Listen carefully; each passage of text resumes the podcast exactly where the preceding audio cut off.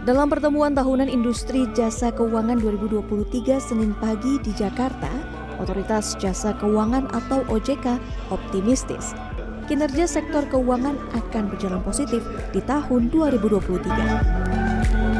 Menurut Ketua Dewan Komisioner OJK Mahendra Siregar, kredit perbankan diproyeksikan tumbuh sebesar 10 hingga 12 persen, yang didukung pertumbuhan dana pihak ketiga 7 hingga 9 persen. Kredit perbankan diproyeksikan tumbuh sebesar 10 sampai 12 persen.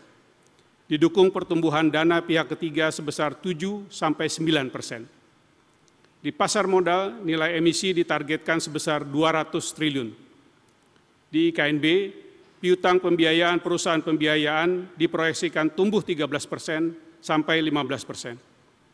Aset asuransi jiwa dan asuransi umum diperkirakan tumbuh sebesar 5 sampai 7 persen di tengah program reformasi yang dilakukan OJK. Aset, aset dana pensiun diperkirakan juga tumbuh 5 sampai 7 persen. Presiden Joko Widodo yang hadir turut mengapresiasi kinerja sektor perbankan tahun 2022. Salah satu yang menjadi sorotan Presiden adalah tingginya angka net interest margin atau NIM yang mencapai 4,4 persen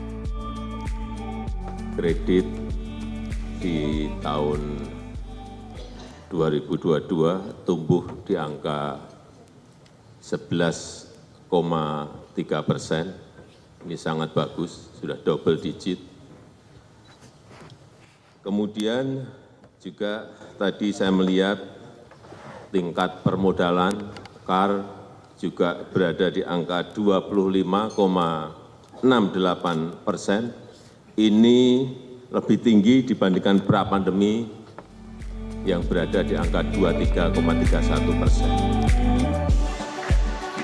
Di tahun 2023, OJK menetapkan prioritas kebijakan, antara lain penguatan sektor jasa keuangan, menjaga pertumbuhan ekonomi dengan optimalisasi peran sektor keuangan, dan peningkatan layanan serta penguatan kapasitas OJK. Satu, misalnya, Tika Beremau, Waktu Julian, Jakarta. Indonesia itu eksportir nomor satu